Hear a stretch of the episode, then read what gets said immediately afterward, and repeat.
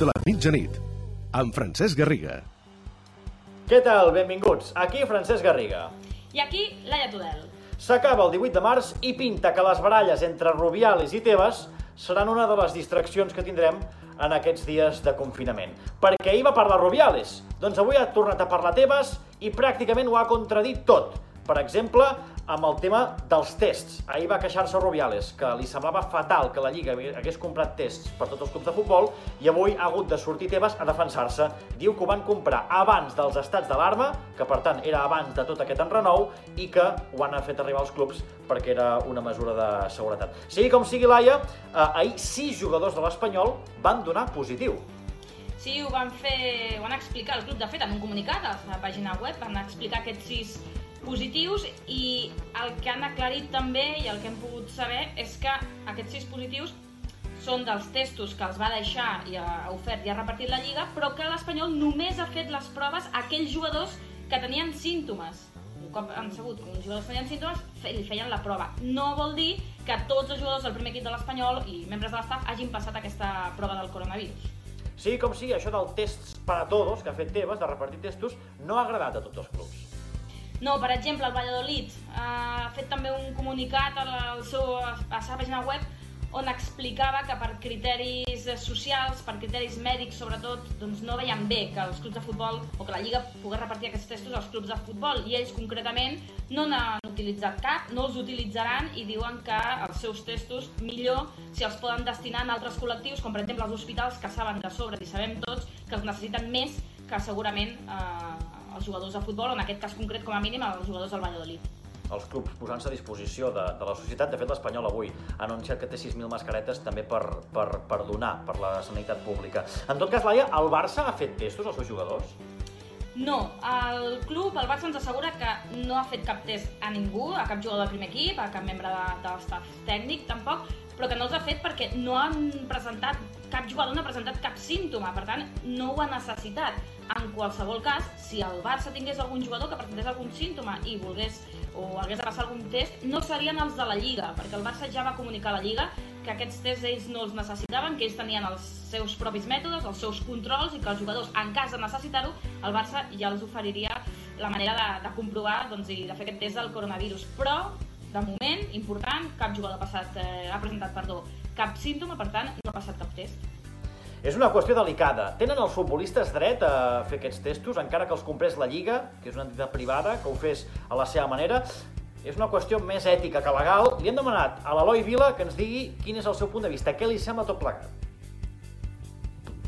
Hola, què tal? Com, com estem? A veure, jo crec que una de les coses que passa en una situació tan complexa com la que estem vivint ara mateix és que es despulla el sistema. El sistema queda despullat i suren, apareixen les misèries, les vergonyes, i una d'aquestes vergonyes és per mi, sens dubte, una de moltes, és els privilegis que tenen els, els futbolistes i que ara s'ha demostrat amb el test del coronavirus. Jo crec que ara mateix no és que es despullin ara aquestes vergonyes, aquests privilegis, sinó que són molt més difícils de pair per tots nosaltres. No? I m'agradaria expressar un desig de, un desig d'un gran futbolero com, com sóc jo, que és que m'agradaria que esclatés la bombolla futbolística, m'agradaria que mai més cap club tingués 150 milions d'euros per fitxar Dembélé, Coutinho, a Cristiano Ronaldo o Bale, posa el nom que vulguis, o els 40 milions per fitxar Junior Firpo és igual. No?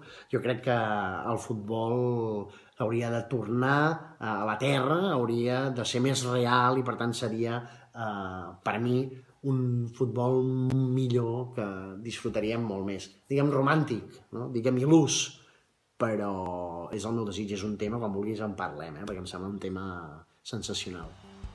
Bé, veurem com evoluciona tot plegat. Uh, en tot cas, Laia, avui ha estat un dia més tranquil. Recordem que ahir va ser un dia de grans decisions. L'Eurocopa s'ha posposat. Sí, l'Eurocopa jugarà l'estiu que ve, el 2021, per tant ha marge, ara falta saber en aquests calendaris com s'organitzarà la Champions, per exemple, i sobretot les lligues. Tebas ja està dient que ells tenen unes idees i unes dates al cap, per exemple, la més optimista, que Tebas no descarta fins i tot, escolta, una data que contempla, cap al 23 d'abril, al voltant de la jornada de la Diada de Sant Jordi, que es pogués reprendre la Lliga. Bé, ja veurem com acaba. En tot cas, suspensió de l'Eurocopa. La UEFA és altruista, ho ha fet pensant en el bé del futbol o per què? El Lluís Canut té la seva opinió al respecte. Hola, no ens enganyem, que no ens prenguin el pèl, que no us creieu que amb això del coronavirus la UEFA s'ha tornat de sobte generosa i solidària. No, la decisió de posposar l'Eurocopa en favor, en benefici de la Champions i de l'Europa League no és una altra cosa que qüestió econòmica. Sabeu quan ingressa la UEFA pels drets de la Champions, de l'Europa League i de la Supercopa d'Europa? 3.250 milions d'euros i amb l'Eurocopa recapta 2.500. No hace falta decir nada más. Els clubs de futbol que mouen molts diners, ja ens ho podem imaginar, però clar, no tots els clubs, no totes les entitats, no tots els esports ho estan passant tan bé. N'hi ha que ho estan passant pitjor o malament, Laia. Sí, avui, per exemple, hem conegut dins del bàsquet eh, femení, el Manfilter Saragossa ja ha anunciat que haurà de fer un ERTO, i clar, aquesta mesura doncs, eh, ara mateix plana també sobre molts dels clubs eh, de categories inferiors del futbol o, per exemple, els clubs catalans de segona B, doncs és una opció que tenen sobre la taula. El Dani Badia ens pot donar més dades d'aquesta qüestió. Els clubs de segona B, els catalans, preocupats. Els deu equips catalans del grup tercer de segona B, que recordem-ho són el Sabadell, el Lleida Esportiu, el Nàstic de Tarragona, el Cornellà, el Prat, el Llagostera, l'Olot, el Badalona i els filials del Barça de l'Espanyol, que aquests mengen a part, sospesen la possibilitat d'acollir-se a un ERTO, expedient de regulació temporal d'ocupació, per intentar pal·liar els efectes que els causarà les seves economies ja febles d'inici la crisi del coronavirus. El principal problema a resoldre és com podrà suportar-se econòmicament un possible allargament de la temporada sense ingressos o ajornats i amb els pressupostos ja tancats. A les últimes hores s'han reunit virtualment alguns dels representants dels clubs catalans de segona B per traslladar les seves inquietuds i preocupacions tant a la patronal, la Federació Espanyola de Futbol, com a l'AFE, que representa els futbolistes, perquè els proposen una solució que els convenci per evitar haver d'acollir-se a un ERTO. Perquè tot el personal dels clubs han de continuar cobrant, tot i que els clubs ja fa dies que no tenen cap activitat. Posaré un exemple. El Lleida Esportiu té 56 empleats i un pressupost per aquesta temporada d'1.600.000 euros aproximadament. Per cert, mentre el COI es manté optimista i els Jocs Olímpics de moment volen que celebrin quan tenien previst, el COE, el Comitè Olímpic Espanyol, ja ha fet gairebé una súplica al govern espanyol. Sí, que introdueix una excepció en tota la normativa d'aquest estat d'alarma, d'alerta que ha anat informant aquests dies, doncs que, si us plau, els esportistes olímpics puguin sortir a l'aire lliure per continuar els seus entrenaments, això sí, amb les màximes eh, mesures de seguretat, de sanitat que calgui, però que puguin entrenar-se. Tu ets olímpica? Um, jo diria que no. Tan, tan, tan, però t'entrenes aquests dies o no? Què fas? Uh, tinc una feinada de por, això sí.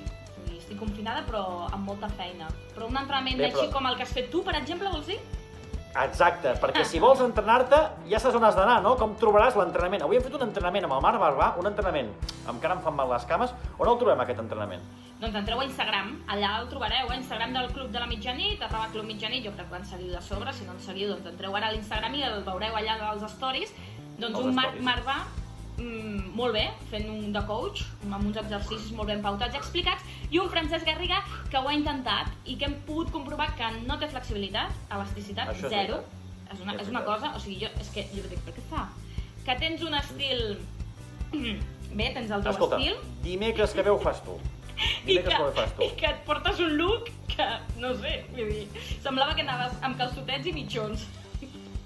Bueno, doncs Laia Tudel, que avui va de gala vestida, com podeu comprovar, eh, criticant el meu outfit.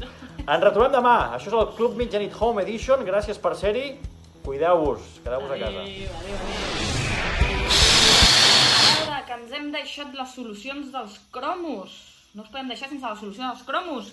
Ja ho sabeu, eh? a Twitter teniu tres cromos amb totes les pistes que el Garriga ha anat dient, doncs ara us direm els guanyadors. El primer, que aquest era el més fàcil, Abelardo. Bé, bé, els que heu dit, el Pito Abelardo, l'entrenador de l'Espanyol, era ell. El segon, aquest era un nivell mitjanet, diu el Garri. Manuel Pablo. L'heu encertat? I a veure amb el tercer, que aquest era pujar una mica al nivell. Canovio. Aquest què ha costat? N'heu encertat gaires, aquest? Ara ho miraré, perquè no ho hem repassat. Estigueu atents, tornarem a fer cromos, al Garriga li agrada molt, ja ho sabeu. No sabem quan, però en tornarà a fer tres cromos, com sempre, amb cinc pistes, al Twitter del Club de la Mitjanit.